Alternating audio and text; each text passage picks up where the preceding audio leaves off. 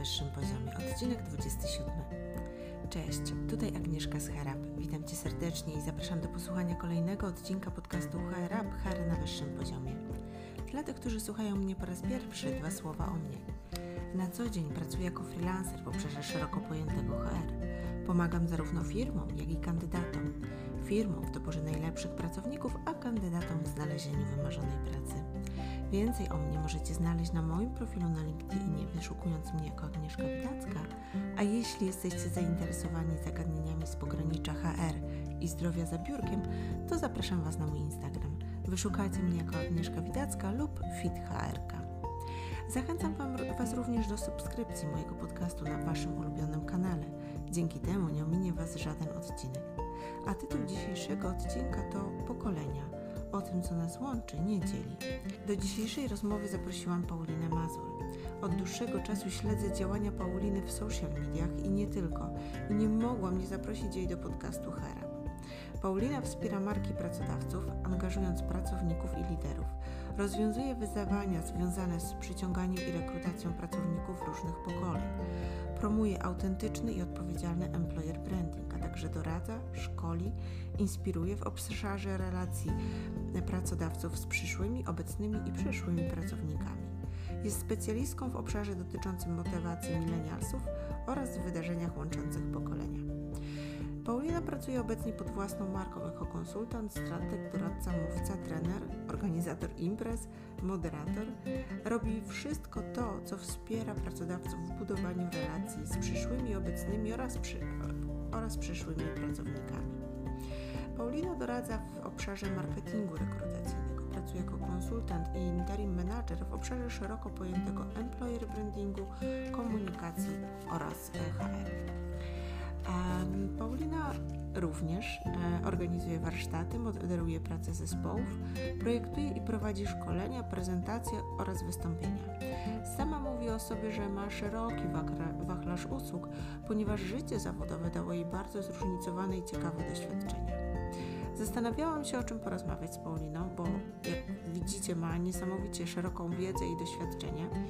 E, z jednej strony chciałam trochę może o tym, co jest teraz na topie, to znaczy o pandemii i wpływie pandemii na pracowników, pracodawców, e, employer brandingu, jeszcze kilka tematów by się znalazło, ale pomyślałam, że może warto porozmawiać o czymś zupełnie innym, o czym często zapominamy. I liczę na to, że ten odcinek da nam wszystkim wiele do myślenia i to nie o pandemii. Z Pauliną porozmawiam o pokoleniach, a przede wszystkim o pokoleniu Silversów. Serdecznie zapraszam Was do dołączenia do naszej rozmowy. E, cześć Paulino. Cześć Agnieszka. Paulino, cieszę się, że e, dołączyłaś tutaj do mojego podcastu HR HR na wyższym poziomie. E, przed chwilą przedstawiłam Cię e, i mm, patrząc na Twoje doświadczenie, rzeczywiście zajmujesz się wieloma rzeczami w obszarze HR, w obszarze employer brandingu. Natomiast mimo, że dosyć długo mówiłam o tym, czym się zajmujesz, to nie jestem pewna, czy wszystko powiedziałam. Czy chciałabyś jeszcze tutaj coś dodać? Wiesz, e, chyba nie, bo ja mam dość zróżnicowane doświadczenie e, i między innymi dlatego tak bardzo lubię się zajmować też różnymi pokoleniami, bo z różnymi pokoleniami przyszło mi e, współpracować w życiu, zarówno ze studentami, jak i e, z osobami bardzo dojrzałymi. E, I to sprawiło, że dzisiaj e, tak bardzo lubię różne pokolenia, mm -hmm. więc ja się bardzo cieszę, że mnie do tej rozmowy zaprosiłaś i dziękuję Ci serdecznie za zaproszenie, bo jest to temat szczególnie bliski mojemu sercu i, i mam nadzieję, że uda mi się słuchaczy również zarazić e, taką miłością do pokoleń. Super, bardzo się cieszę. Mm, Paulino, ja e, zawsze na początku rozmowy pytam moich gości o to, czy są jakieś ciekawe eventy, webinary, coś w tym momencie online, co mogłabyś polecić e, właśnie słuchaczom podcastu do, do, do, do posłuchania w dzisiejszych tygodniach. Oj, teraz się bardzo wiele dzieje. E, wszyscy e, produkują i webinary, i live. Rzeczywiście jest tego dość dużo. Ja sama też w kilku już uczestniczyłam. E, to zależy, co, co jest najciekawsze w danym momencie dla kogo. Mhm. Bardzo lubię i cenię materiały mm, produkowane i publikowane przez Grzegorza, rekrutera z brodą. Tam też byłam mhm. na jednym live, rozmawialiśmy o rynku pracy. Mhm. Agnieszka Bełz z z kolei robi dużo e, webinarów w każdy czwartek dla osób poszukujących pracy. Myślę, że też duża wartość. Mm-hmm. Jeżeli chodzi o LinkedIna, to na przykład y, i social media bardzo lubię webinary Grzegorza Miecznikowskiego, który też dużo tego publikuje.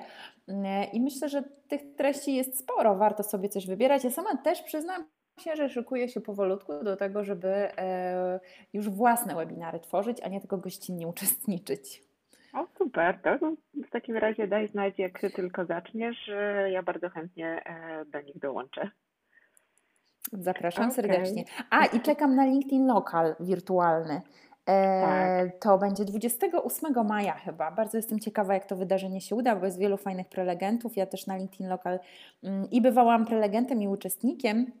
No i teraz mm -hmm. czekam na to wydarzenie online. Też ciekawa jestem, jak, jak to będzie wyglądało. No, trzymam kciuki, żeby się e, wszystko udało. Widziałam goście naprawdę e, super. Widziałam z Brand24, mm, widziałam e, prezesa BNP Paribas, także zapowiada się bardzo, bardzo ciekawie. Okej. Okay. Paulino, no to w takim razie przejdźmy do naszego tematu. Będziemy dzisiaj e, rozmawiały o pokoleniach, ale z takim e, powiedzmy dosyć dużym naciskiem na pokolenie e, Silversów. Żyjemy w takich dosyć dziwnych czasach, no bo jak popatrzysz na to jaki jest przekrój osób w firmach, to jest on dosyć duży. Mówi się wręcz, że w tym momencie można w jednym miejscu pracy spotkać aż cztery pokolenia. Czy rzeczywiście tak jest? Tak, to prawda. Mm, e, mamy w tej chwili na rynku pracy w ogóle cztery pokolenia i według takiej nawet klasyfikacji e, wiekowej to zgodnie z danymi GUS-u dość równo, e, równo są poskładane te pokolenia, mhm. czyli mamy po 20 parę procent z każdego pokolenia. E, mhm. Jest e, najbardziej dojrzałe pokolenie baby boomersów, to są osoby mhm. powyżej 55 roku życia. Mm, potem mamy niżej pokolenie Xów, e, tak zwanych transformersów, między mhm. 40 a 55 rokiem życia. Mówimy o nich transformersi, dlatego że to są osoby, które zmieniały tak naprawdę ustrój w Polsce i przechodziły też z transformację ze świata analogowego w świat cyfrowy, więc to też bardzo doświadczone i ciekawe pokolenie, a tak naprawdę najbardziej we wszystkich publikacjach pomijane, bo mimo wszystko takie mm, dość nieduże e, stosunkowo. E, no i mamy najbardziej owiane e, złą sławą, chociaż ostatnio to się bardzo mocno zmieniło, pokolenie milenialsów, czyli Greków, czyli osób poniżej 40 roku życia, które no, dużo zmieniło też w świadomości no, nas wszystkich i, i też ja tutaj tak uśmiecham, że swoją roszczeniowością bardzo mocno zmieniło rynek pracy. Mm, ja osobiście jestem ogromnym fanem tego pokolenia, bo to pokolenie było też takim, e, ta, taką, taką zmianą, tak, tak, takim pokoleniem, które pytało, no dobrze, ale dlaczego my pewne rzeczy mamy robić i po co my je właściwie robimy. E, I przez tą swoją roszczeniowość i taką, e, takie poddawanie wątpli pod wątpliwość pewnych rzeczy, które te pokolenia zostały na rynku pracy, doszło do wielu zmian i takich dobrych zmian, również dla innych pokoleń pokoleń. No i mamy najmłodsze pokolenie, czyli pokolenie Z. To są w tej chwili osoby mniej więcej poniżej 24 roku życia, chociaż tutaj różnie, różni, y, różne źródła, że tak powiem, sobie tą interpretację przyjmują. E, a poniżej mamy jeszcze tak zwane pokolenie alfa, czyli tych najmłodszych, ale to są osoby poniżej 8-9 roku życia. Jeszcze ciężko nam przewidzieć, jak będą funkcjonowały na rynku pracy póki mhm. co. E, póki co się nie zajmują pracą, poza nielicznymi wyjątkami młodych youtuberów, którzy już e, pod nadzorem rodziców też robią niesamowite wręcz biznesy. Ale no to tak naprawdę na rynku pracy mamy te cztery pokolenia: Zetki, Y, X i baby boomersów. Okej. A mm, jakbyś miała powiedzieć, co te pokolenia łączy, ale też co te pokolenia dzieli, bo no, to są osoby między 50 e, rokiem życia czy powyżej 50 roku życia na pewno mają, nie wiem, e, może inne oczekiwania e, w stosunku do osób, które mają na przykład tych lat poniżej 24. Tak, e, oczywiście jest wiele rzeczy, które te pokolenia rozróżnia, e, ale też ja zawsze e, bardzo dużo piszę i zachęcam do tego, aby myśleć w kategorii podobieństw, bo mhm. niestety zbyt duże skupienie na różnicach prowadzi nas często okay. do takiego stereotypowego myślenia o innych pokoleniach. Mm, I warto sobie jakby cofnąć i zadać pytanie też, po co my w ogóle te pokolenia i ten podział pokoleniowy wprowadziliśmy, bo jest bardzo dużo osób, które mówią, że w ogóle pokolenia nie mają znaczenia, liczy się jedno, każda jednostka, każdy człowiek. I to jest oczywiście prawda, bo każdy z nas jest inny. Natomiast te podziały pokoleniowe zostały wprowadzone po to, żeby nam trochę uprościć funkcjonowanie, e, uprościć nam zrozumienie, pomóc nam zrozumieć inne pokolenia, a nie stygmatyzować czy młodszych, czy starszych. I to jest ważne, żebyśmy o tym pamiętali zawsze, jak rozmawiamy o różnicach. Bo te różnice wynikają tak naprawdę z niczego innego jak z uwarunkowań e, geopolitycznych, społecznych, momentów historii, w którym e, te osoby przychodziły na świat i w którym się wychowywały.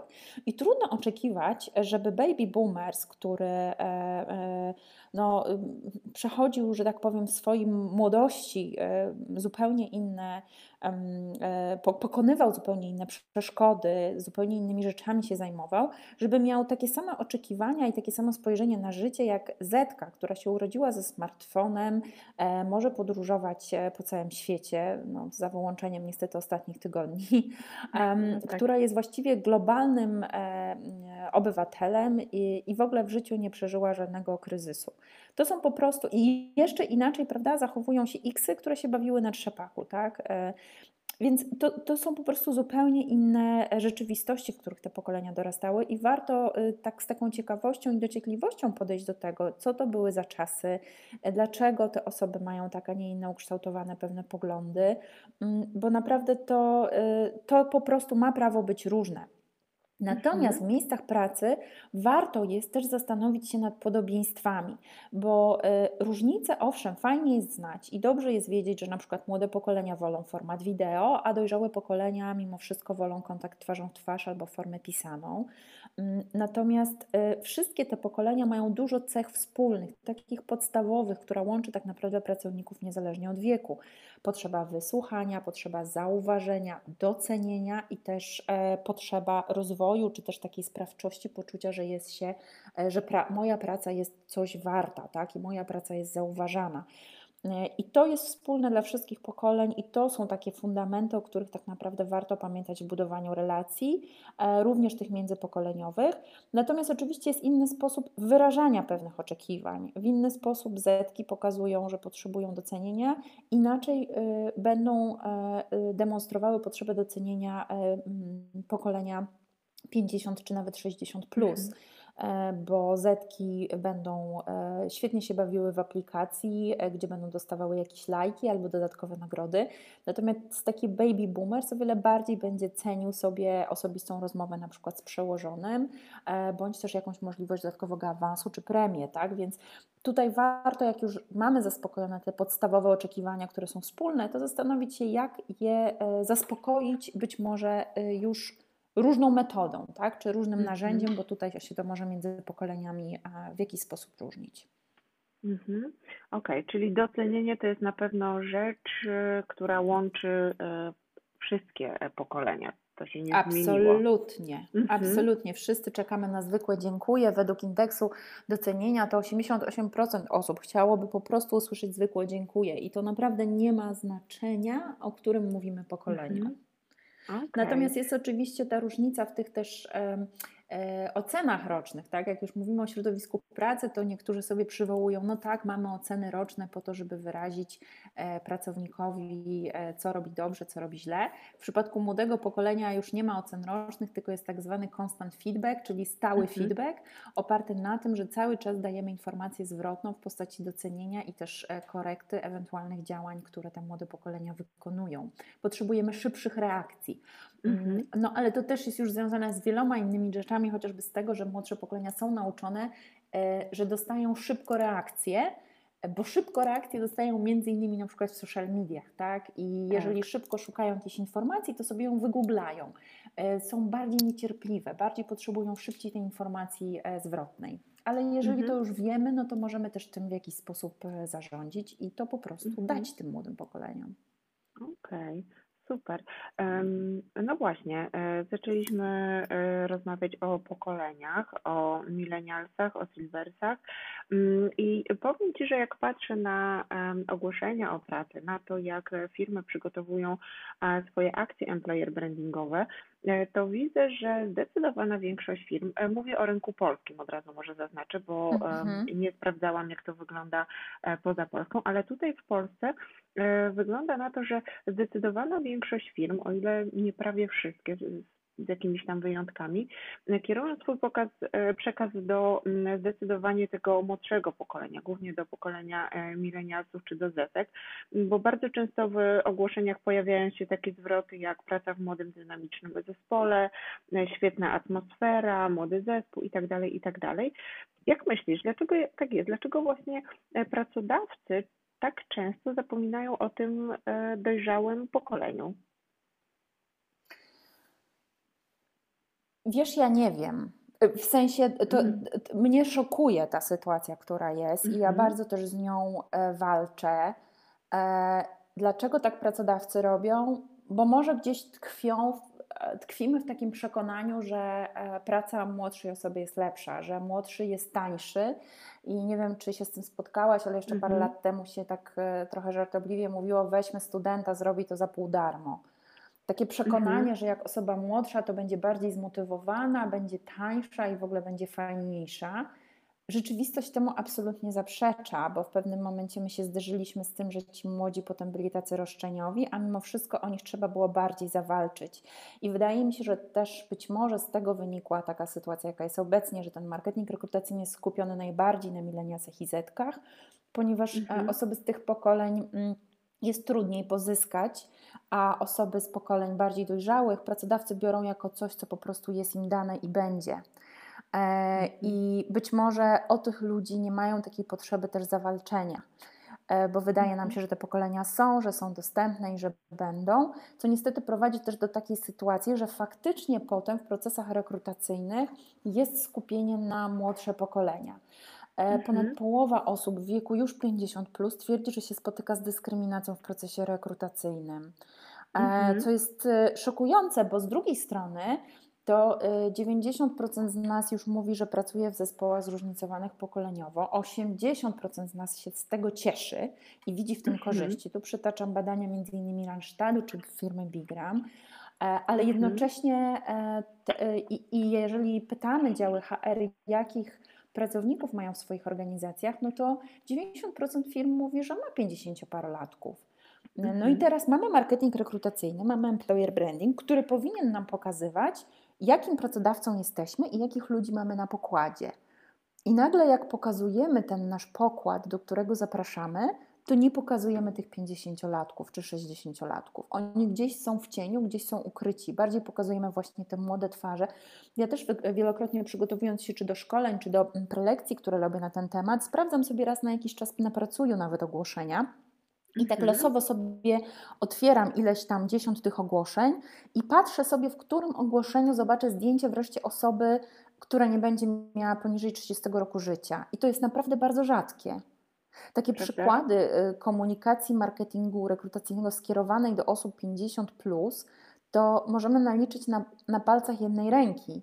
Jest McDonald's, Lidl, mhm. e, widziałam reklamę. Circle K ma bardzo fajny film z jednym e, szefem stacji benzynowej, panem mhm. Juskiem. Jusk zrobił e, jeden odcinek z panem Konradem, mhm. 60-paroletnim pracownikiem. I to jest mhm. chyba wszystko. Nie wiem, może jeszcze jest kilka jakichś e, Czasem kancelarie prawne w swoich ogłoszeniach rekrutacyjnych mhm. pokazują dojrzalsze osoby, no bo to też jakby powaga branży.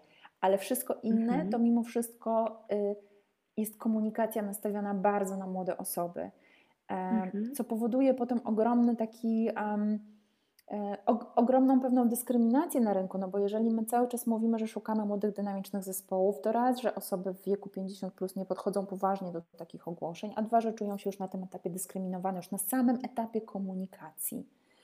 Mm, nie wspomnę tu o tym, że masz rację, w Polsce jest rzeczywiście źle i to, i to jest tak, że U nas jest niestety, my jesteśmy e, takim niechlubnym przypadkiem w ogóle kraju, który bardzo nie wykorzystuje potencjału e, dotyczącego pokolenia 55. Jest taki indeks PWC Golden Age Index, Aha. w którym my na 35 krajów zajmujemy 30 miejsce jeżeli chodzi o wykorzystanie poziomu zatrudnienia i aktywności zawodowej osób 55. Plus. E, co jest po prostu e, no, smutne, bo też wynika gdzieś tam z jakiegoś niezrozumienia. A jeszcze do, do, dodajmy, że przecież 55 plus to są tak naprawdę pokolenia definiowane chociażby przez Instytut Galupa czy, czy przez e, inne też instytucje badawcze jako pokolenia najbardziej zaangażowane. Bardzo Dokładnie. ciekawe badania robił też Human Power na ten temat i okazało się, że te 50 mhm. plus osoby to są osoby o y, najwyższym poczuciu sensu, które mają umiejętność koncentracji, e, organizacji pracy, mają pozytywne emocje ze swojej pracy. No i nagle się okazuje, że y, patrząc na te pokolenia, to w sumie powinniśmy najbardziej doceniać te 50, plus, e, no bo one już mają te doświadczenia, już są takie zrównoważone, mogą dużo wnosić do naszych organizacji, a mimo wszystko w marketingu rekrutacyjnym my nawołujemy do tych młodych. Więc tu mamy bardzo dużą nierównowagę na rynku, niestety. No właśnie, jeszcze chciałam o jedną rzecz tutaj, ty, e, e, jeżeli chodzi o e, to zapytać, bo wspomniałaś, że właśnie w ogłoszeniach na etapie rekrutacji to pokolenie Silversów jest dyskryminowane. Tutaj pojawia się właśnie już wątek ageizmu. Czy tylko na etapie rekrutacji zauważasz właśnie tą dyskryminację, czy ewentualnie już w trakcie pracy te osoby doświadczają również dyskryminacji? A z tego, co jakby z moich obserwacji do, mhm. i, i, kontaktów e, z tymi osobami, też z badań, e, z którymi miałam styczność, wynika, że niestety też dotykają, e, dotyka nas pewna, tego pokolenia dotyka pewna dyskryminacja już w procesie też pracy. Mm, bardzo często jest tak, że jeżeli pracodawca ma wybór, kogo awansować, to e, może się skłaniać ku bardziej młodszym pokoleniom niż na przykład 60. Plus. To też jest ciekawe, mhm. bo jest na przykład, nie wiem, czy wiesz, taki stereotyp w Polsce dotyczący tego, że osoby starsze to się wolniej uczą, albo nie chcą się uczyć, albo w ogóle to choro, choro, chorobliwe tak. są podobno, mhm. chorowite. Co w ogóle wystarczy zapytać ZUS, który powie od razu, że na L4 to chodzą głównie osoby między 30 a 39, bo się opiekują dziećmi. Mhm. 50 e, parę, 50-parolatkowie nie chodzą praktycznie na zwolnienia lekarskie, są bardziej mobilni, bardziej elastyczni, mhm. E, mają już mniejszy też zakres tych obowiązków domowych nadal bardzo chcą, są aktywni i chcą się rozwijać. No, e, poza tym w ogóle takie mm, określenie seniorami pokolenia 50 plus mi się bardzo gryzie, bo jeżeli spojrzymy sobie na osoby w wieku 50 plus, to senior to jest ostatnia rzecz, którą bym o tych osobach powiedziała. Czytałam też taki, e, takie e, analizy Instytutu Badawczego ze Szwajcarii, który wykazuje jasne rekomendacje, że seniorami powinno się określać osoby w wieku 70, a nawet 75, plus, czyli mhm. osoby, które wymagają tak naprawdę wsparcia, e, wsparcia, opieki. Mhm. To jest senior. A u nas to pojęcie seniora rzeczywiście nagle się zaczyna w wieku 50. Plus. No co spójrzmy no, prawdzie w oczy, ten 50-latek dzisiejszy to jest taka nowa czterdziestka, tak? Tak jak się mówi, że te 10 lat wstecz to wygląda zupełnie inaczej niż jeszcze wyglądało 20 tak. czy 50 lat temu. Um, więc w ogóle nie bardzo sobie, nie bardzo się zgadzam z tym określeniem seniorów. No bardziej ci silversi do mnie przemawiają, mhm. aczkolwiek to też e, no, no weźmy, odróżnijmy 50 od 70 latka. Nie wkładałabym tych wszystkich osób do, jednego, do jednej grupy. No bo mhm. jednak e, to jest ogromna różnica, e, czy ktoś ma lat 50 czy 70. Dokładnie, tym bardziej, że tak naprawdę średnia długość e, wieku zdecydowanie się wy, wydłuża. Jeszcze 100 mm, lat temu to było 47 lat, teraz mamy już średnią długość życia, średnią 77 lat i są takie przewidywania, że w 2100 roku e, średnia długość życia może przekroczyć e, nawet 100 lat, więc tak naprawdę mówiąc o kimś w wieku 55 plus, e, że jest seniorem czy, czy nawet silversem, no to tak trochę dziwnie brzmi, bo tak naprawdę on jest w połowie swojego życia, można powiedzieć, prawda? Tak, dokładnie. I wiesz, co też są ciekawe rzeczy a propos właśnie de zmian demograficznych. E, też co mnie na przykład e, niesamowicie szokuje, na przykład dzisiaj jest tak, że my w Polsce osób po 60 roku życia mamy ponad 9 milionów. Mhm. E, w Polsce 60-latkowie tak na dobrą sprawę to tylko 14% z nich pracuje. Mhm. I teraz weźmy sobie, że za 2050 roku według prognoz GUS-u 40% Polaków to będą 60-latkowie. Jeżeli nadal utrzymamy taki procent zatrudnienia osób 60-letnich, to ja nie wiem, kto będzie pracował w 2050 roku. Jak prawie połowa narodu będzie 60-latkami. I też jak na przykład mhm. często mm, e, prowadzę prelekcje na ten temat, szczególnie do młodszych osób, ale też do, do osób starszych, to nawołuje, że no jakby nawet na zasadzie wzajemności, jeżeli e, dzisiaj nie potraktujemy z odpowiednim szacunkiem, docenieniem i nie zaangażujemy osób w wieku 60 plus do aktywności zawodowej, to e, dlaczego sami mielibyśmy się spodziewać za 20-30 lat, że młodsze pokolenia będą pamiętały o nas, jak my będziemy w tym wieku? A myślę, że będziemy chcieli być aktywni zawodowo. Więc nawet z takiej czystej przyzwoitości warto było się zastanowić, e, że te pokolenia 50-60 plus to są nadal osoby, które warto angażować, które chcą pracować i które są bardzo przedsiębiorcze.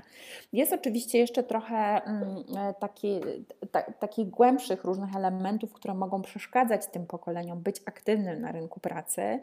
E, dlatego że bardzo wiele osób e, w tym wieku e, ma też już jakby swoje takie oczekiwania, wymagania, czy też spojrzenia na pewne działania. I czasem brakuje im pewnych umiejętności, ale znowu to jest mhm. kwestia nauczenia tych pokoleń pewnych rzeczy i odwrócenia trochę sytuacji ty pisałaś ostatnio nawet o mentoringu -hmm. odwróconym u siebie, mm -hmm. właśnie w social mediach.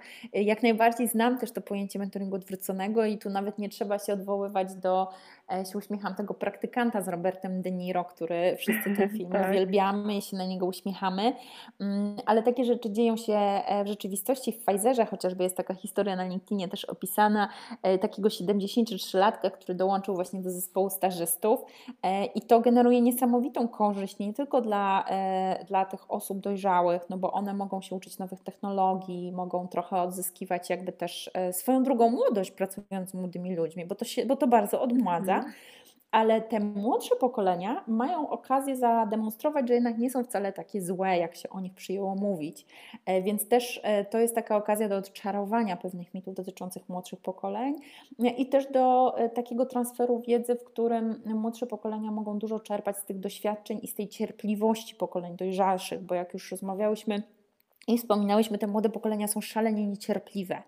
Mhm. I to też jest tak, że po prostu takie są, tak? Tak zostały też wychowane. Zresztą tutaj e, e, ta pseudo-wielozadaniowość, to przerzucanie się między różnymi ekranami, social mediami, zadaniami spowodowała, że te osoby bardzo lubią działać na krótkich, takich sprintowych wręcz zadaniach. E, czyli e, jest, jest krótkie zadanie do realizacji, robimy to zadanie, dajemy feedback po tym zadaniu, kolejne zadanie, kolejny feedback, kolejny sukces, kolejne zadanie, kolejny feedback, kolejny sukces. To nie jest pokolenie, które e, w cudzysłowie mówiąc będzie czekało na awans za dwa lata bo dwa lata to jest mhm. tak duża perspektywa dla tych osób, e, praktycznie nieosiągalna. Tutaj trzeba nakreślać troszeczkę krótsze perspektywy. Dla osób starszych te dłuższe perspektywy mają sens, one potrafią się w tym zorganizować, e, potrafią sobie to zaplanować, ale młodsze osoby będą wolały szybszych takich quick winów. E, mhm. się tak uśmiecham, trochę tak jak z tymi lajkami na Instagramie, ale to troszeczkę tak jest, upraszczając sprawę, tak? że po prostu chcemy mhm. szybciej, chcemy, mm, chcemy szybciej tą informację zwrotną, chcemy szybciej te informacji, chcemy szybciej tej gratyfikacji e, i my nie mamy nawet prawa na to narzekać, po prostu takie pokolenie to jest, e, trzeba je wziąć z dobrodziejstwem takim, jakie, jakie ma, korzystać raczej z tego e, i przemodelowywać te miejsca pracy tak, żeby taka możliwość była. To są też pokolenia bardzo mocno kwestionujące zastaną rzeczywistość, o czym wspomniałam. E, też przedsiębiorcom często, e, które są e, przedsiębiorcom, którzy są często oporni na młode pokolenia i, i tak trochę negują, mówią, że oni muszą się nauczyć, dorosnąć. Podpowiadam, żeby raczej spojrzeć na tą niecierpliwość jako na taką okazję do wykreowania nowych rozwiązań, bo to mhm. bardzo często te młode pokolenia przychodzą. E, ja też miałam wielu praktykantów, z którymi pracowałam, i oni przychodzą do organizacji, oglądają sobie, co się dzieje i tak zaczynają kwestionować, ale po co my to właściwie robimy, ale dlaczego to jest taka mhm. długa ścieżka tego procesu, ale przecież można to zrobić prościej i krócej. No i to jest ta szansa tak na dobrą sprawę, żeby skorzystać z tego potencjału skracania też pewnych procesów u tych młodych -hmm. pokoleń i takiego zrewidowania. Okej, okay, dobrze, a może my faktycznie pewne rzeczy robimy niepotrzebnie, bo robimy je tak od lat y, nastu z czystego przyzwyczajenia, okazuje się, że teraz to można szybciej, prościej, nie wiem, innymi narzędziami albo po prostu pewne rzeczy już są nam mniej potrzebne. Mm, więc mhm. warto sobie dostrzegać w tym e, bardziej potencjał i taką okazję do jakiejś fajnej, dobrej zmiany dla wszystkich, niż się na to opierać i zapierać, że zostańmy tak jak było, bo to działało. Ale tutaj bardzo fajnie o tym e, opowiedziałaś, bo tak naprawdę e, zdałam sobie w tym momencie sprawę, że tak że jeżeli ja poświęcę czas na to, żeby nauczyć się tego pokolenia, żeby się o nim więcej dowiedzieć, to też będę wiedziała, jak z nim rozmawiać. Czyli to wcale nie jest tak, że ci milenialsi są tacy, tacy źli. Oni po prostu um, um, urodzili się w trochę innych realiach, czy milenialsi, ci, e, czy zetki. E, to mhm. przeskakiwanie z monitorów, o których wspomniałaś, to spowodowało, że oni w taki, a nie inny sposób działają i ok, okej, okay, może szukają pewnych, e, pewnych rozwiązań na skróty, ale to też pokazuje to, co powiedziałaś, że pewne rzeczy można prościej i krócej e, i oni są w stanie nam e, w tym pomóc. Więc tutaj jak najbardziej ten mentoring odwrócony działa w, w, w obie strony, prawda? Tak, tak. Poza Mhm. tym, wiesz, skorzystanie tak na dobrą sprawę właśnie z różnych pokoleń w organizacjach E, no, jest przez wielu, LinkedIn publikował nawet takie wyniki swoje, mhm. Mm, swojego researchu, który robił z pracodawcami. No, y, na świecie 8 y, na 10 przedsiębiorców dostrzega, że budowanie w ogóle zespołów międzypokoleniowych, takich, w których mhm. mamy reprezentantów różnych pokoleń, jest ogromną korzyścią, bo powoduje rzeczywiście, doprowadza do takiej burzy mózgów i do takiego też starcia pewnych poglądów, co generuje i kreuje zupełnie nowe wartości, bo po prostu możemy odkryć nowe rzeczy. Mhm. Dobrze jest mieć w ogóle w takim jakimkolwiek e, zespole, który ma wykreować jakąś dobrą, nową wartość, ludzi właśnie o różnych poglądach. No, my, dlatego teraz też się mówi w ogóle zresztą dużo o, o różnorodności. Różnorodność kreuje niesamowicie nowe rozwiązania, e, pozwala dotrzeć e, do, dostrzec nowe, nowe możliwości i to też dotyczy między innymi pokoleń. Mhm. Pięknym przykładem, e, tutaj gorąco zachęcam do, do wygooglania sobie, ale możemy też mm, pewnie podlinkować, jest e, kampania czeska Vodafone Seniors for mhm. Seniors. To jest kampania, mhm. w której seniorzy zostali przez Vodafone zatrudnieni i przeszkoleni do tego, żeby obsługiwać w salonach e, innych seniorów mhm. przy sprzedaży telefonów komórkowych. To ma bardzo głęboki sens, bo jak y, my może jeszcze Agnieszka nie wiemy, ale y, jeżeli 70-latek idzie w tej chwili do salonu y, jakiejś telefonii komórkowej i chce kupić telefon, to obsługuje go młoda osoba, która też posługuje się trochę innym słownictwem i skrótami myślowymi. Tak? Mhm. I co z tego, że mi taka młoda osoba powie, tu pan sobie odpala, tu pan ma emoji, jak ja mhm. nawet nie wiem, co to jest emoji, tak? Albo y, nie wiem, co to jest aplikacja, bo po prostu nigdy nie skorzystałem z aplikacji, czy nie korzystałam z aplikacji. Natomiast jeżeli obsługuje mnie mój równolatek praktycznie, który posługuje się moim językiem, który ma do mnie cierpliwość, to w szerszej perspektywie to są świetni ludzie do Y, obsługi też klienta i do sprzedaży. A biorąc pod uwagę to, że w Polsce mamy w ogóle rosnące e, pokolenie właśnie dojrzałe i tak jak wspomniałam, za chwilę będziemy mieć tych 60-latków prawie pół narodu, no to wydaje mi się, że lepiej jednak ich potrzeby, e, ich oczekiwania będą rozumieli równolatkowie niż osoby o 30 lat młodsze. Bo to jest trochę tak samo jak, jak z proszeniem osoby, która nigdy nie miała dzieci, żeby tworzyła produkt dla młodych mam. Jest jej mhm. o wiele trudniej, bo ona nie ma tej perspektywy. Natomiast jeżeli my prosimy osoby dojrzałe o pomoc w stworzeniu produktów, usług dla osób dojrzałych, osiągniemy o wiele lepsze wyniki.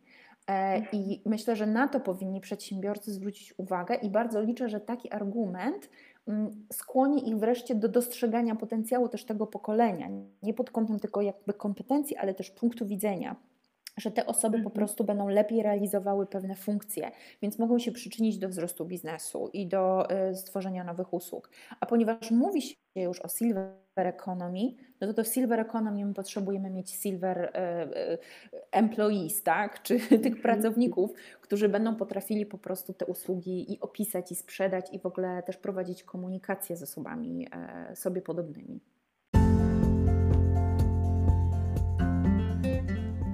Serdecznie zapraszam Was za tydzień na drugą część mojej rozmowy właśnie z Pauliną Mazur.